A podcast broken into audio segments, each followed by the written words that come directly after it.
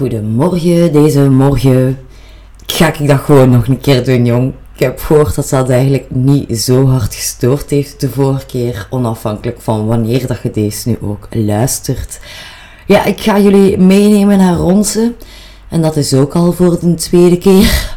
Niet dat jullie het gaan weten, maar ehm, ja, sinds kort ben ik dus beginnen beugelen. Beugels dus, een hele reeks waar ik een paar maanden mee zoet zal zijn. En ik had dit deel dus al eens opgenomen, eerst met beugel in.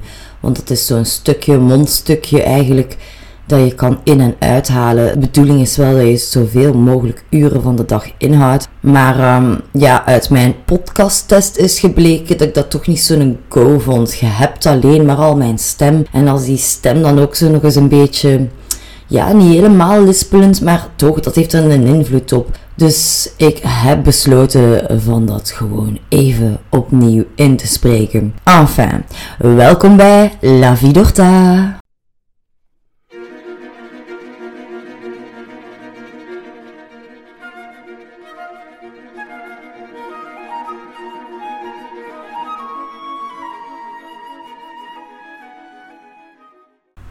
Alright, Ronse dus. Meer bepaald de familie Carpentier. Valère Carpentier en zijn vrouw die willen daar een landhuis laten bouwen.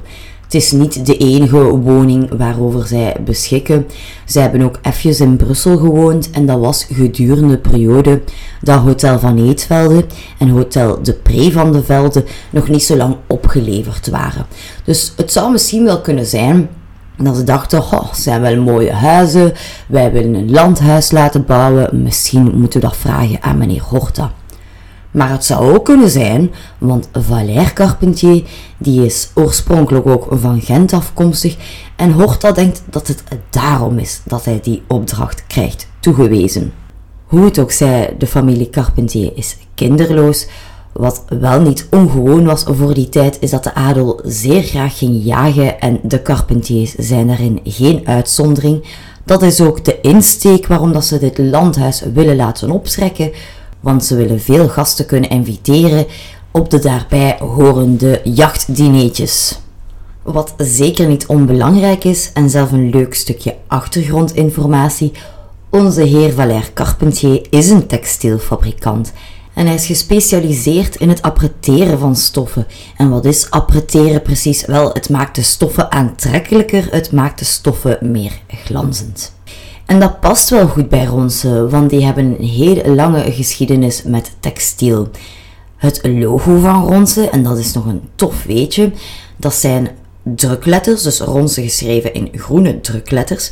Maar als je dat logo een beetje beter bekijkt, dan zie je dat de bovenkant eigenlijk van die schuin aflopende fabrieksdaken voorstellen. Wat dat dus wel mooi past in ons Carpentier-verhaal. De Villa Carpentier is niet het enige landhuis van Horta. Hij heeft er nog gebouwd. We hebben een beetje kort Les Epignettes aangestipt in Ukkel. En daarvan weten we wel dat hij dat graag bouwde. Ik heb het toen ook al gezegd, die bouwvoorschriften waren helemaal anders dan in de stad. Er waren ja, buren bijvoorbeeld, daar moest je al geen rekening mee houden. De bouwvoorschriften waren vrijer en dat had Horta maar al te graag. Wat Horta nog graag had, waren natuurlijk de invloeden van de natuur. In Art zijn die elementen van natuur zo sterk aanwezig en wanneer dat die elementen daar gewoon van zichzelf waren, dan vond Horta het ook minder nodig van zelf veel tierlantijntjes daar te gaan aan toevoegen. Hij vond als ik dat landhuis, die villa, daar neerzet, dan doet de natuur eigenlijk wel de rest. Met uitzondering van Villa Carpentier, want daar zijn wel degelijk meer dan één, maar enkele leuke Art Nouveau elementen toegevoegd, waar we onze aandacht nu even op gaan vestigen. Ik moet hier van mijzelf even terugkomen op het woord tierlantijntjes, want uiteraard is dat niet het correcte woord om zoiets te beschrijven. Ik wil maar benadrukken dat hij die landhuizen eerder sober hield. Hij ging daar eh, decoratief niet veel elementen aan toevoegen. Voilà, het is al veel netter gezegd. En daarin is de Villa Carpentier de uitzondering. Oké, we hernemen. We bevinden ons op de Steenweg op Doornik, want daar is de villa gelegen, meer bepaald op een ruim terrein, een groen ruim terrein, en je mag de villa plaatsen pal in het midden. De villa of het landhuis is omgeven door een park en dit park werd ook aangelegd of getekend door de heer Horta himself. Er zijn maar liefst tien verschillende tuinpaden die kronkelend hun weg zoeken doorheen het park en die allemaal aan een andere toegangsdeur van de woning uitkomen. Maar momenteel staan we dus nog op de steenweg op Doornik, want ik wil jullie meegeven dat er twee toegangspoorten aan dit domein verbonden zijn. De eerste die is centraal gelegen en zal de hoofdingang zijn. De tweede is eerder aan de linkse zijde van het terrein gelegen. En wat daar wel zo interessant aan is, of wel tof aan is, als jij met de koets of later met de wagen het domein betreden, dan moest je de wagen of de koets niet meer omdraaien. Je kon gewoon langs de andere poort terug naar buiten rijden. Wat ik nog wil meegeven is als je aan het linkse, dus aan de tweede poort staat, eerder links gelegen van het domein, en je kijkt daar even tussendoor, dan zie je twee dependances, twee conciergewoningen. Dat waren, ik heb het eigenlijk al verklapt, aanvankelijk de stallen en later de garages. Nu heb ik hierover nog een interessant weetje. Al moet je daarbij wel in het achterhoofd houden dat ik niet 100% met zekerheid kan zeggen dat dat hier in de Villa Carpentier het geval was. Maar veelal waren die conciergewoningen, zoals het woord ook zelf zegt, de woning voor de hoofdtuinman en die zijn vrouw. Er was een hiërarchie binnen het dienend personeel en de tuinmannen zijn ook wel weer ja, een, een, een subgroepje daar binnenin, als ik mij zo mag uitdrukken. Maar ook daar zit een hiërarchie. Ik spreek wel expres van die hoofdtuinman. Want die kreeg wel eens de gelegenheid om daar zijn intrek te nemen met zijn vrouw. Fijn, want zij hadden iets meer privacy. Maar het was ook niet allemaal roze geur en maneschijn, want er waren ook zeker nadelen aan verbonden. Eerst en vooral moet ik misschien meegeven, want ik sprak van zijn vrouw.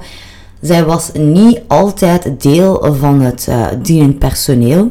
Het was namelijk zo, wanneer dat jij zelf een dienstbode was, dan waren die schaarse vrije zondagnamiddagen de enige opportuniteit om zelf iemand te leren kennen. Een huwelijk was op dat moment ja, een beetje het enige, de enige reden waardoor dat je dan stopte met dienen, omdat je ging trouwen. Het is ook veelal toen dat ze als huwelijkscadeau een item meekregen waar wij, denk ik, generaties later nog steeds vertrouwd mee zijn of alleszins een beeld van hebben. Zij kregen vaak van hun madame zo'n volledig servies mee. Een servies waar ze heel fier en zuinig op waren. En dat is dan ook de achterliggende reden waarom al die afzonderlijke stukjes zoveel jaren later nog steeds zo goed bewaard en compleet zijn gebleven. Maar bon, ik zit weer volledig op een zijspoor. Even rewind. Dus de enige reden waarom ze dan stopte met dienen was omdat ze gingen trouwen. Met als uitzondering, ja, als je ging trouwen met iemand die ook diende, dan bleef je eigenlijk je hele leven lang in dienst. En dan was er nog dat onderscheid dat als vrouw kon je dan bijtrekken bij de post waar je man aan de slag was, of je ging samen op zoek naar een nieuwe dienst.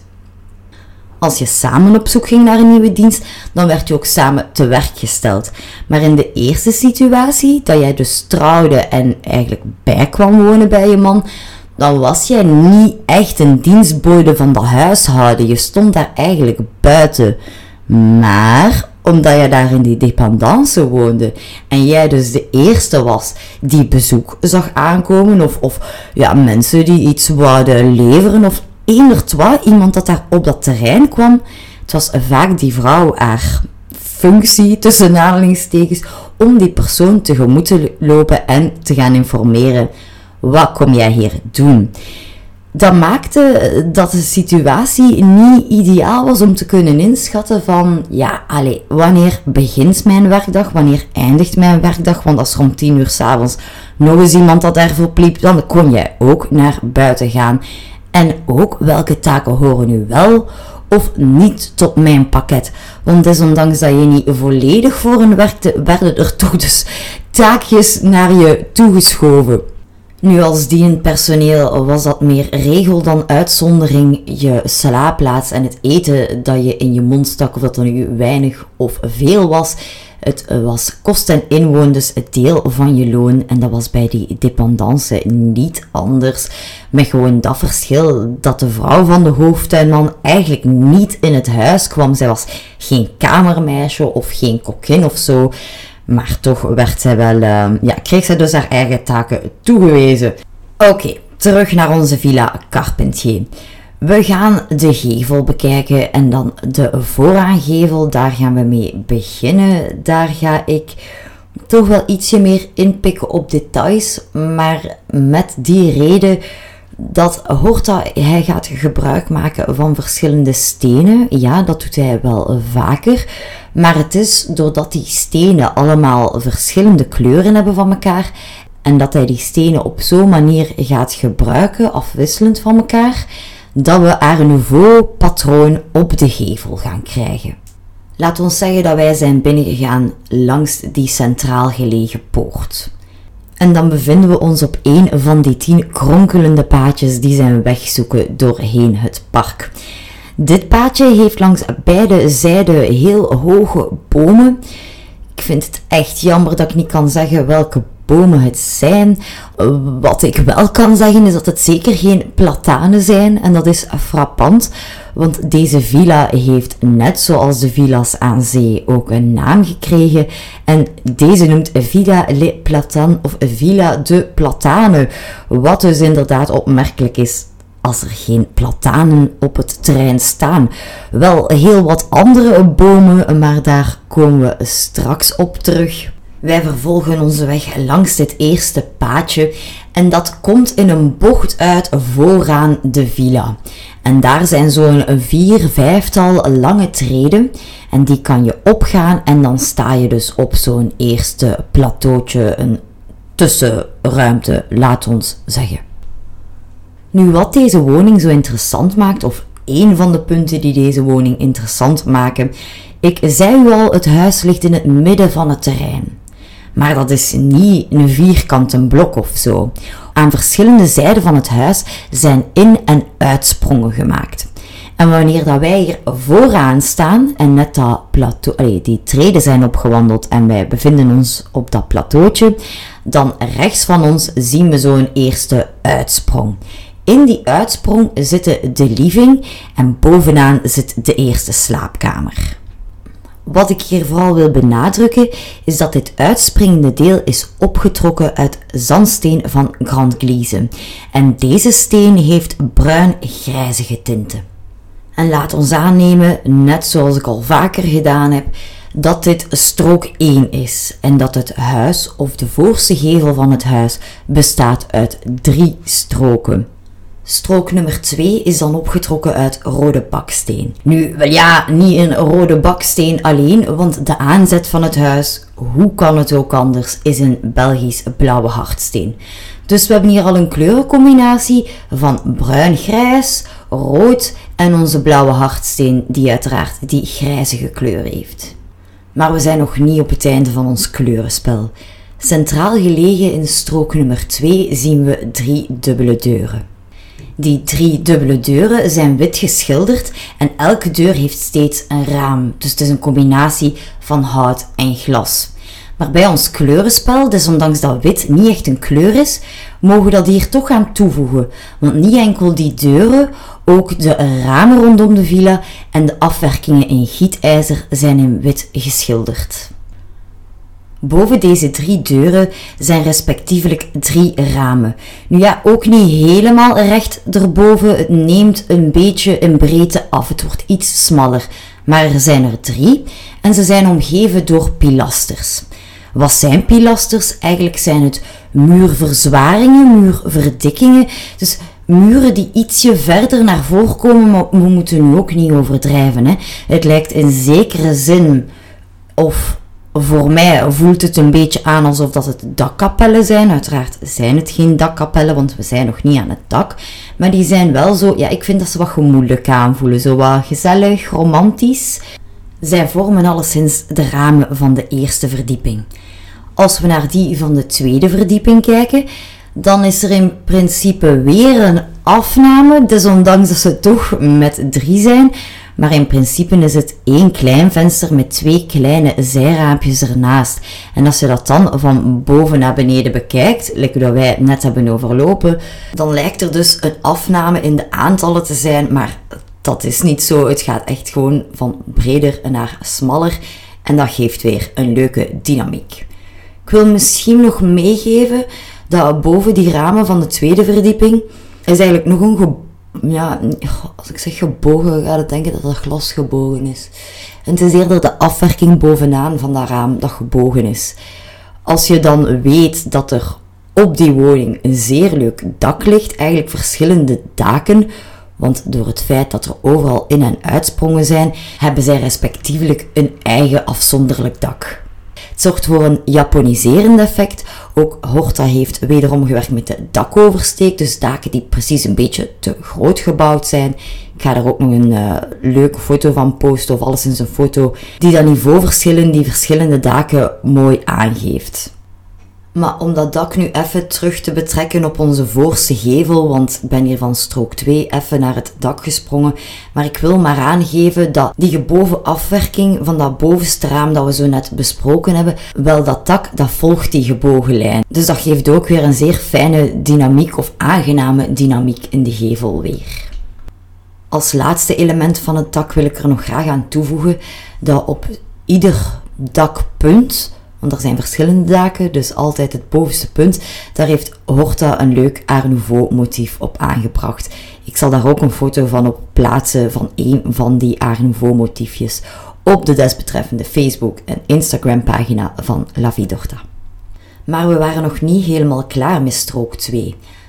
Want als we terugkijken naar die ramen van de eerste verdieping, dus die drie ramen met die pilasters daartussen, dan kiest Horta wederom voor de zandsteen van Grand Gliese en de gele steen van Ronse. Ik weet het, ik, ik, maak het hier weer niet gemakkelijk, maar ik denk dat hij dat eigenlijk ook gedaan heeft bij strook 1 dat we besproken hebben, het uitspringende stuk. Ik denk dat daar ook al een combinatie was, eigenlijk feitelijk, van zandsteen van Grand Gliese, dus dat bruin-grijzige, met dan gele accenten van die gele steen van Ronse, want dat maakt het natuurlijk allemaal nog een stukje boeiender.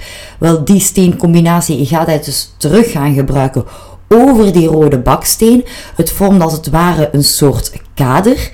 En als we dan terugkijken naar die ramen, die drie ramen van de eerste verdieping, dan zien we aan de onderste buitenste hoeken van dat raam dat er langs beide zijden een gebogen vorm vertrekt van de onderste buitenste hoeken van de ramen naar de bovenste buitenste hoeken.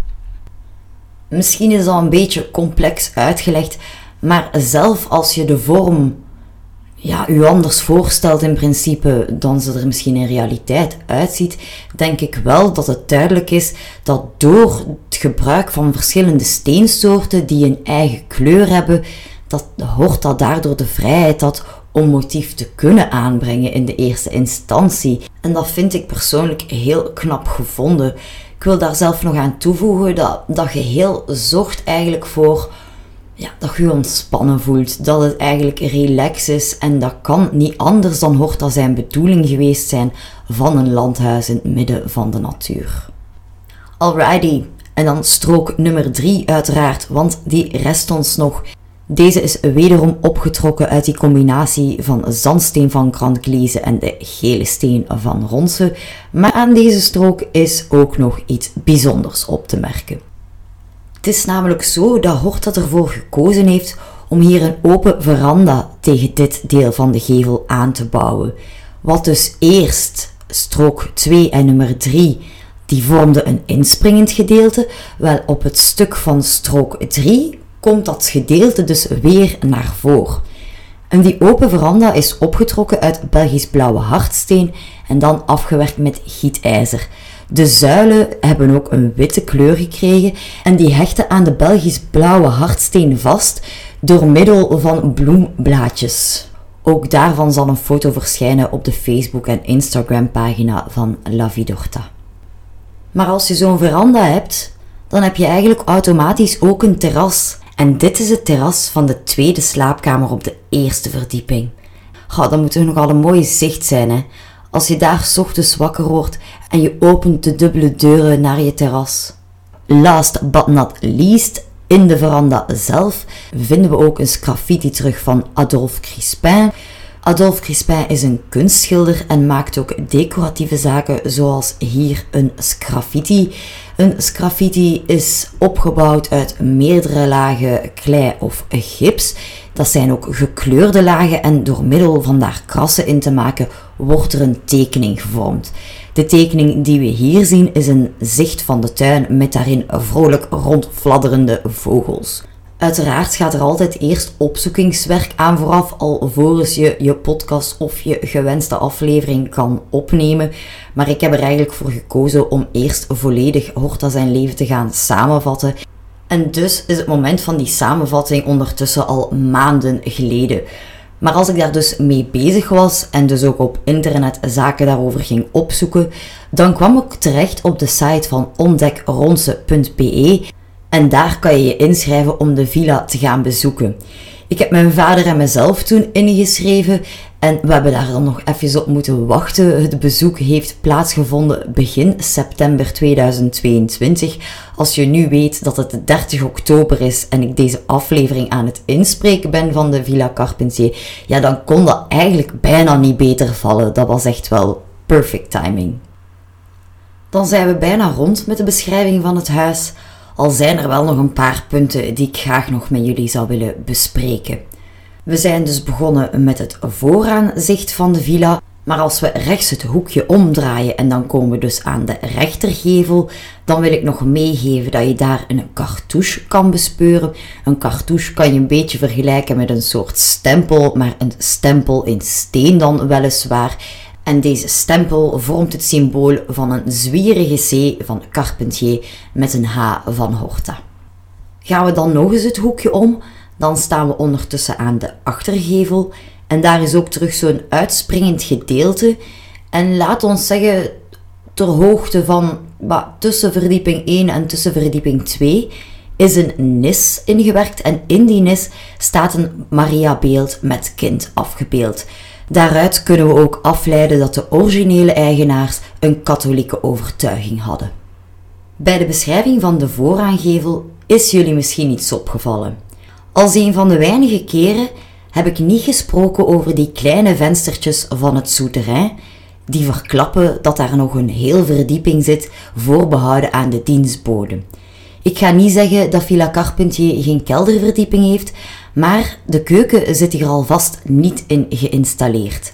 De keuken vinden we terug aan de achterzijde van het huis in het inspringende gedeelte. Origineel had Horta ook aan de achterzijde van de woning grote ramen voorzien. Maar de neef van Valère Carpentier had dat de familie sterk afgeraden. Het zou naar zijn mening de aandacht van de personeelsleden maar al te vaak afleiden van hun werk. Aanvankelijk werden er dan ook kleinere ramen geplaatst.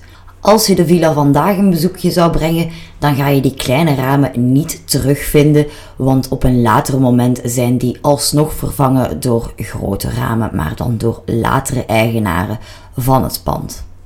Ik wil wel nog even duiden, want het is niet omdat die keuken op het gelijkvloers ligt. Er was echt wel rekening gehouden met het feit dat die keuken ver genoeg van andere vertrekken aflag, zoals bijvoorbeeld het salon of de eetkamer. Men vond geuren van eten of pannen en potten die tegen elkaar slaan en dus lawaai, die typische keukenlawaaien voorbrengen, dat vond men storende elementen. Dus daar was zeker rekening mee gehouden dat die keuken op een geruime afstand lag. Het begin van de bouw van Villa Carpentier was in 1899 en de villa werd opgeleverd in 1904. Valère Carpentier en zijn vrouw M. Huibrechts, ik weet helaas niet waar de M voor staat, zullen daar dus verschillende jaren wonen. Tot 1920 aanbreekt, want dan sterft mevrouw Huibrechts. En het zal niet zo erg lang meer duren alvorens Valère er zal volgen, want vijf jaar later sterft hij ook.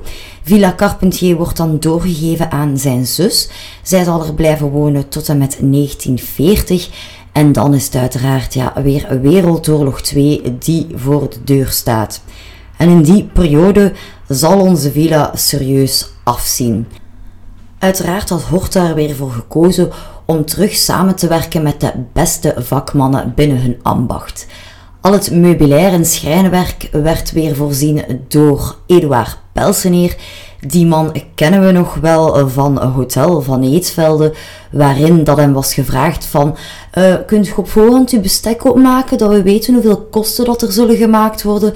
En dan meneer Pelseneer zei, nee, nee, nee, nee, want als Horta nog zaken wil bijvoegen, dan ben ik het nog geweest. Sorry, ik kan mij daar echt niet tot toe verplichten. Dus ja, we kunnen wel zeggen dat Eduard Pelseneer een beetje de rechterarm van Horta is als het op schrijnwerk aankomt.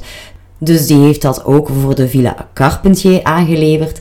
Het glaswerk was voorzien door Raphaël El Valdere, nog zo een meester in zijn vak. Dat er überhaupt nog glaswerk gespaard gebleven is na die oorlog mag een klein wonder heten. Natuurlijk niet allemaal tegelijkertijd, maar gedurende de oorlog hebben er Britse, Duitse en Belgische troepen in het huis gezeten. En het is dan dat ons huis het zwaar krijgt te verduren. Meubilair verdwijnt, vloerplanken worden losgerukt en er worden doodleuk gaten geschoten in deuren en muren. Ja, het is uiteraard ook oorlog, ook van dat meubilair. Men moet dat ook kaderen in ruimte en tijd, want het was oorlog, er waren veelal niet veel middelen, die mannen hadden het ook heel erg koud. En vaak werd dat hout dus gebruikt om het op te stoken, werd het zeer duur stookhout. Als we dan gaan kijken naar de dag van vandaag, dan zijn de huidige eigenaren Michel Gilbert en zijn vrouw Olga. Zij hebben samen twee kinderen, een zoon en een dochter, en die heten Victor en Horta, om maar even te duiden hoe groot hun liefde voor meneer Horta is. En wanneer zij de villa aanvankelijk kochten, ja, had hij al heel lang geen aandacht meer gehad. Heel die tuin was ook overwoekerd. En tijdens het bezoek samen met mijn papa en ja, ons gidsgroepje in het algemeen, vertelde Olga ons dat ja, wanneer zij toekwamen, heeft zij al die, dus die tien verschillende tuinpaden zelf terug blootgelegd uitgegraven is misschien niet het woord, maar ze zei dat ze dat een zeer bijzondere ervaring vond, omdat je weer naar boven brengt wat de meester ooit zo voorzien heeft. Vond ik wel een zeer fijne anekdote om nog mee te geven. Een laatste anekdote, en die slaat ook op de tuin. Er zijn allerhande planten en bomen aanwezig. Er is ook een mooie vijver, maar ik wil nog even iets meegeven over een van de wel bijzondere bomen die op het terrein staat. Er staat namelijk een sequoia, een baby sequoia weliswaar, want deze boomsoorten zijn origineel afkomstig van Californië, Amerika en er zijn exemplaren met een diameter van wel 30 meter omtrek. Kunt je voorstellen wat voor gigantische bomen dat er zijn? En eentje die je misschien wel kent, die bestaat vandaag niet langer, maar die stond in Yosemite National Park en die droeg de naam Wawona of Wawona Tunnel Tree. En het is misschien die tunnel die je wel iets zegt, want je kon er dus met de auto onderheen of doorheen rijden. En waarom is het nu nog extra leuk om te vermelden? Wel, Victor Horta die heeft voor deze boom een foto. En het is misschien wel de enige foto van Horta in Amerika. Het is overigens ook de kaft die op het boek prijkt van Tom Paquet Horta in Amerika. En dus staat die baby sequoia daar niet verkeerd. Zo kon ik er trouwens ook eens eentje zien. Ik denk niet dat dat anders direct was voorgevallen in mijn leven. Ik heb nog een klein kort woordje kunnen uitwisselen met Michel Gilbert. Ik uh, dacht dat ik daar de gelegenheid voor had, wil ik hem zeer graag feliciteren met de woningen die hij in zijn bezit heeft. Want hij heeft er drie. De Villa Carpentier, Hotel Halle, waar we ook nog een aflevering aan gaan besteden, maar dan later in deze podcast. En ook Maison Vink is van hem. Ik kon hem gewoon aanspreken in het Nederlands. Meneer is perfect tweetalig en hij heeft dan ook op mij een zeer positieve indruk nagelaten. En van Ronsen gaan we dan terug naar Brussel. Meer bepaald naar de Louisa-laan. Want het is daar, ter hoogte van nummer 520, dat de heer Octavo Beck een huis wil laten bouwen. Octavo Beck die was aanvankelijk een advocaat, maar die had zich laten omscholen tot ingenieur. Dat maakt dat hij zelf ook wel het een en het ander afwist van ja, constructies en waarschijnlijk niet alleen bouwconstructies, misschien ook wel van machines, maar een ingenieur ja, beseft al heel goed dat iets technisch in elkaar steekt of vindt het alleszins interessant om dat dan te gaan bekijken van hmm, how does it work? Of oké, dat neem ik toch alleszins aan. Het maakt alleszins wel dat Octavo Beck geen gemakkelijke klant is. Hij heeft, voor wanneer, het is eigenlijk Maurice Frison die Horta en meneer Obeck aan elkaar voorstellen. En dat is al nadat Octave al vier verschillende architecten naar zijn terrein heeft laten komen en geen een van de vier was goed genoeg bevonden. Horta voelt gelijk aan dat het dus moeilijk zal zijn om deze man tevreden te stellen en aanvankelijk voert hij dan ook precies uit wat er van hem gevraagd wordt. Ook Octavo Beck die is gekend met de reputatie van Horta van traag te zijn en hij laat ook direct voelen dat dat bij hem niet zal lukken. Er wordt dan ook een contract opgesteld waarin de uitgaven en de tijdsduur zijn vastgelegd. Enige tijd later komt Horta zijn plan presenteren. Het is een gemakkelijk, goedkoop en in één jaar uit te voeren plan. De familie gaat akkoord, dat is een blijde gebeurtenis, er dan een keer een flesje ontkurkt. Maar de heer Obeck die merkt op ja, dat hoort dat hij niet zoveel zegt. Dat zijn lichaamstaal misschien niet is hoe dat hij het zou willen zien. En hij vraagt dan Horta ook van, wat vinden zelf van uw plannen? Vinden ze kwalitatief goed? Uiteraard zag Horta een pak meer mogelijkheden. Maar hij pakte het slim aan. En dan ga ik hem citeren. Mijn plannen zijn precies wat u van mij vraagt. U kunt niets meer eisen. De woning is voor u, niet voor mij. Einde citaat. Logischerwijs is het zaadje hier natuurlijk mee geplant. Octaaf, zijn nieuwsgierigheid is geprikkeld en hij vraagt aan Horta: Wat zou jij dan doen? Horta die benadrukt: Ja, ik zou wel iets anders doen. Maar dat iets anders, dat zou tijd en middelen vragen. Wat voor Horta vooral primeert, is dat Octavo Beck als klant tevreden is. Maar de heer Beck die polst verder. Zouden uw plannen kunstzinniger zijn? En zou je die met mij willen delen? Eind citaat. En Horta, ja, die pakt de koe bij de horens om het zo te zeggen, want hij heeft dat plan al lang klaar en hij heeft het nog bij ook. De vorige eenvoudige plannen die werden verscheurd en de nieuwe complexe plannen waarmee Horta zijn meesterwerk in steen zou verwezenlijken, die kwamen op tafel te liggen.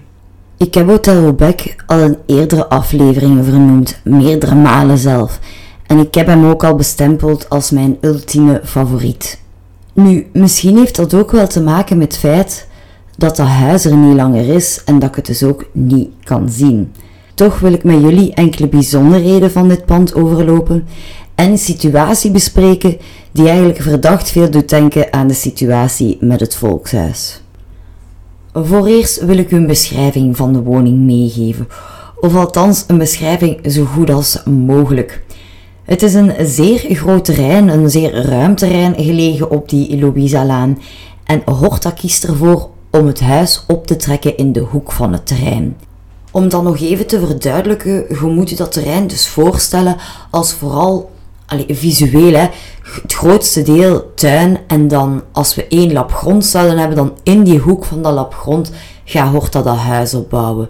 Fijn om te weten is nog dat op een later moment de heer het huis ernaast ook zal kopen en puur en puur om de tuin groter te maken. Maar goed, eerst focus op Hotel Obek zelf. En het huis zal bestaan uit drie gevels, want die vierde gevel die ligt eigenlijk of is een gedeelde muur met de buurman. Het terrein van Octavo Beck is ook bijna op de hoek van de straat gelegen. Ik zeg wel bijna, want het is uiteindelijk zijn buur ernaast die effectief op de hoek zit van de Louisa-laan en de Terkamerenlaan. Ik ga het zo deftig mogelijk proberen uitleggen, maar als je dus weet dat het Hotel Obeck bijna op een hoek gelegen is en we draaien het hoekje van de straat om dat we in de Terkamerenlaan komen, dan worden daar ook weer huizen gebouwd. Dus niet enkel is er de gemeenschappelijke muur met buur nummer 1. Nee, eigenlijk als je ook uit de vensters of de ramen zou gaan kijken, zou je ook kijken op de achtergevel van die andere huizen die gelegen zijn in de Terkamerenlaan. Uiteraard wilt Horta dat niet. Dat zou ook nogal absurd zijn. Hij heeft dat huis in de hoek opgebouwd om een zeer grote tuin te hebben. En dan zou als je door je raam kijkt op een, niet een betonnen muur, maar een bakstenen muur kijken. Natuurlijk heeft Horta daar iets op gevonden. En hij opteert voor een hoekgevel.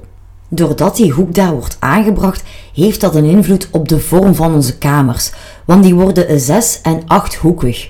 Met dat als gunstig punt dat wanneer je dan door het raam kijkt, je veel eer op de tuin kijkt in plaats van op de muur van de buur daar dus tegenover.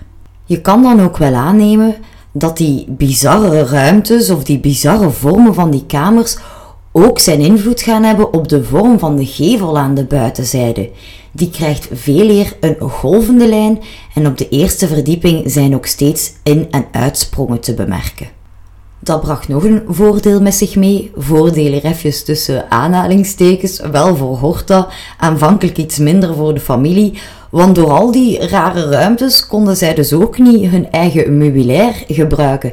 En dat wouden zij eigenlijk wel. Nu waren zij zowat verplicht om ook Horta de meubelen te laten ontwerpen. Maar daar komen we straks nog even op terug. Wat ik jullie nog wil meegeven is dat de gevel niet is opgetrokken van steen van Uville of Gobertange, maar ditmaal is er gekozen om met mineraal te werken. Ook wel mineraal met die witte kleur, dus de gevel of het uh, algemeen beeld van de gevel is weer dat wit, dat beige-achtige. Ik wil nog meegeven dat er ook een logia in verwerkt is en die logia, ja, dat dak daarvan vormt dan uiteraard weer een mooi balkon waar balustrades in gietijzer aan verbonden zijn. En dit was ook zo bij de overige dertigtal ramen die over de verschillende gevels verspreid zijn. Heel veel licht dus, zoals we dat gewoon zijn van Horta. En ook overheen de verschillende gevels heel veel Art Nouveau motief te bespeuren. Want ja, ik zeg het was zijn summum in de steenbewerking. Om het in Horta zijn woorden te zeggen, de moeilijkheidsgraad was zonder weerga. Einde citaat. Het minste detail moest in steen zijn. De inbouw van de voetschraper, het huisnummer, de brievenbus, de verluchtingsgaten, de welvende sokkels voor de gevel, de pijlers van het hek. Het waren stuk voor stuk uitdagingen. En niet alleen voor Horta, want ook in de steengroeven ondervonden ze al snel problemen en kwam het bericht terug onuitvoerbaar. Horta moest voor elke steen tekeningen op ware grootte aanleveren. En daarvoor ja, had hij er toch wel een heel speciale techniek op nagehouden. Hij liet in zijn kantoor overtrekpapier ophangen en de uitgevoerde tekeningen ging hij daarna bestuderen met een verrekijker op. Dat was om te zien welk effect dat die tekeningen hadden. Hij leverde uiteindelijk vier verschillende tekeningen aan voor iedere steen, maar het mocht niet baten. En er werd teruggegrepen naar de gipsen figuren waar ik al eerder van vertelde. Ja, in een andere aflevering. Wat ik er nog aan wil toevoegen is dat dat wel een zeer tijdrovend werkje was. En er was al zoveel te doen, want ook het interieur vroeg evenveel aandacht. Alles was van Hortas hand, eigen ontwerp, dus ook daarvoor werden verschillende tekeningen gemaakt. Maar Horta die was ook bezig aan een ontwerp voor een enorme glazen koepel met bovenlicht die in het trappenhuis zou moeten komen. De anders zo donkere gang baadde daardoor in het licht. Zeker als je weet dat een van de wanden van die hal dat Horta die in glas liet, dus dat licht kon ook nog verder in de woning binnendringen. Hotel Beck is groot en complex en het neemt ongeveer drie jaar in beslag om het te bouwen. En daarmee is het dan eigenlijk nog niet af. Het zal uiteindelijk in 1905 zijn dat het meubilair en de inrichting echt afgewerkt is, dat er stallen zijn gebouwd en dat Horta ook een ontwerp gemaakt heeft voor de tuin. Maar Octavo Beck was uiteindelijk zeer tevreden en ik ga hem citeren. De eigendom heeft mij veel geld gekost. Maar als ik het zou moeten overdoen, dan had ik nog dieper in mijn zak getast. In bijzonder voor de meubelen. Einde citaat. Uiteindelijk zal het gezin Obek, want ze hebben op dat moment een tienjarig zoontje, samen met drie dienstboden intrekken in de woning. De zoon die zal tot zijn 36 jaar thuis blijven wonen. En daarna verhuist hij naar Pas-de-Calais, naar Frankrijk. In 1933 komt zijn mama te overlijden en tien jaar later sterft Octave Obek zelf. De zoon die laat het op dat moment niet na om Hotel Obek snel te verkopen, want aanvankelijk ja, waren hij en zijn mama niet zo'n fan. Zijn papa eigenlijk wel wat meer. Dus op het moment dat zijn ouders er niet meer zijn, ja, zette dat dus ook heel snel op de markt. En het is Charles van de Perre die de woning zal aankopen. Charles van de Perre die is zelf een meubelmakelaar en hij kan dus wel direct de kwaliteit van Horta zijn meubelen herkennen. Maar wat doet hij? Hij verkoopt die meubelen. Gelukkig komen daarvan wel enkele terecht in het Museum voor Schone Kunsten te Brussel. En het wil lukken dat ik dat afgelopen zaterdag nog heb bezocht. En inderdaad, ze stonden daar toch enkele van de Horta-meubelen van Hotel Obek. Ik was uh, zeer blij van ze te zien, want uh, het zet mij toch in de positie van iets van foto's te kunnen posten, ondersteunend bij deze aflevering. Ik verwijs u wel zeer graag door, zeker als je ook die uh, glazen koepel graag wil zien met die glazen wand die we zo net besproken hebben, naar de Facebookpagina van Le Baron Victor Horta. Zoals ik al zei, de foto's van de meubelen die zal ik zelf posten op de Facebook en Instagram pagina van La Vie d'Horta. Maar mocht je toch op die Facebookpagina van Le Baron Horta terechtkomen, dan is het wel leuk dat je die stoeltjes terug gaat zien staan op foto nummer 12. En dat is dan echt nog zo'n zwart-wit foto. Dus uh, ja, het zijn wel degelijk de die. Niet dat je eraan moet twijfelen als je naar een museum gaat. Maar ik vond dat zelf wel leuk om die dan ja, plotseling te herkennen.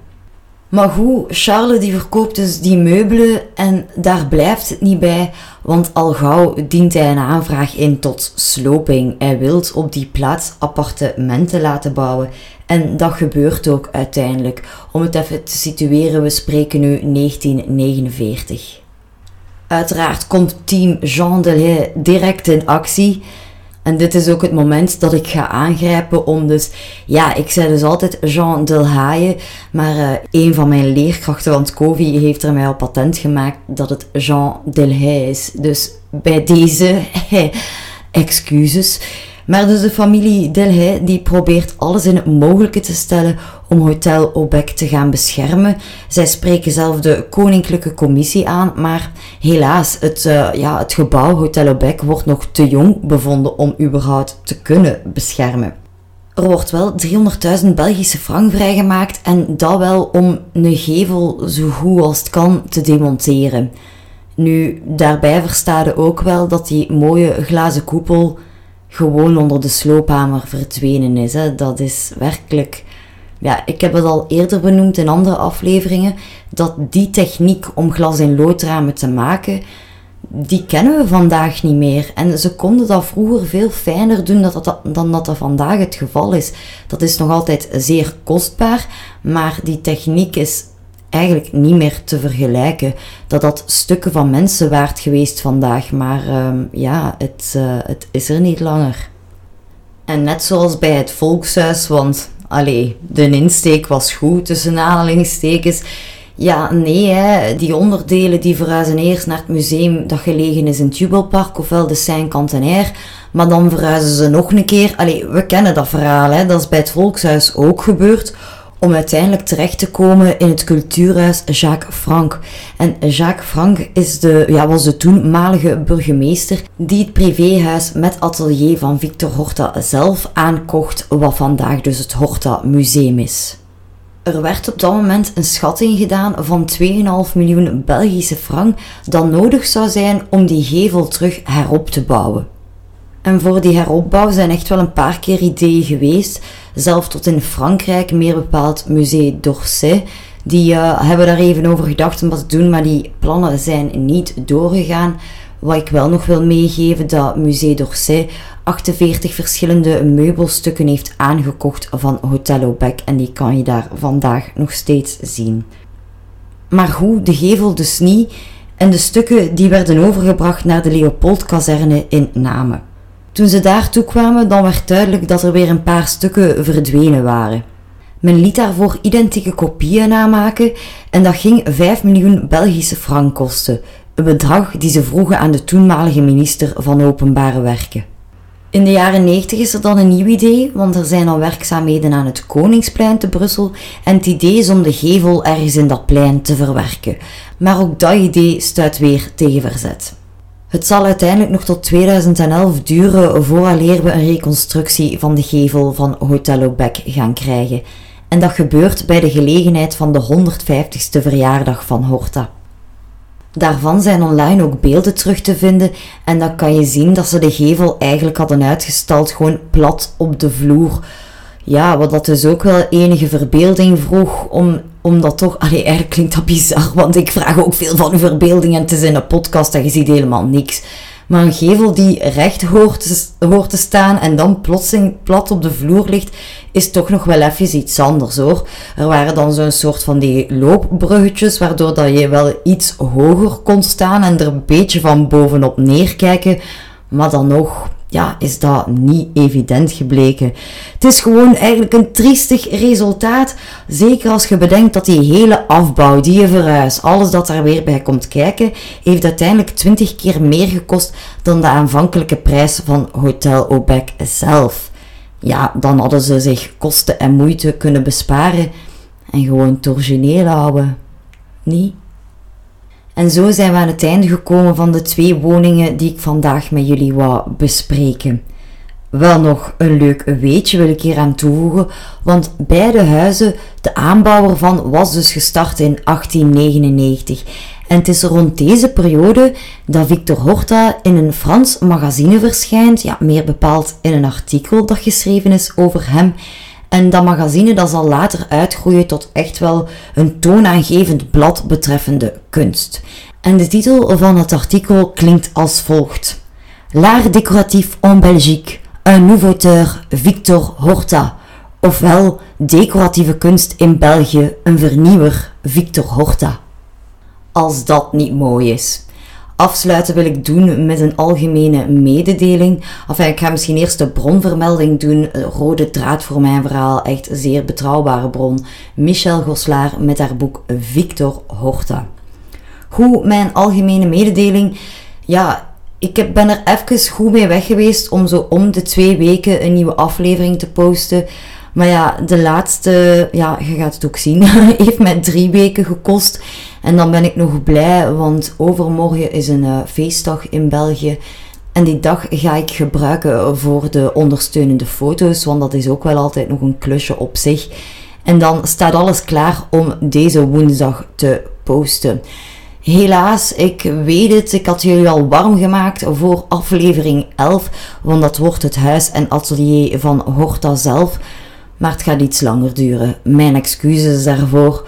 Maar ja, het, het werkt gewoon niet zo handig als ik ja, met zo'n tijdslimiet werk. Ik moet daar, ja, ik pak daar toch gemakkelijk wel een paar uh, weekendjes voor om alles weer te fine-tunen, te editen, aan te passen. Iets dat ik vind, mm, dat is niet voldoende duidelijk. Allee, het is toch ook wel best een titanenwerkje. En ja, het moet gewoon leuk blijven. Dus ik denk dat ik mezelf weer even een pauze ga geven.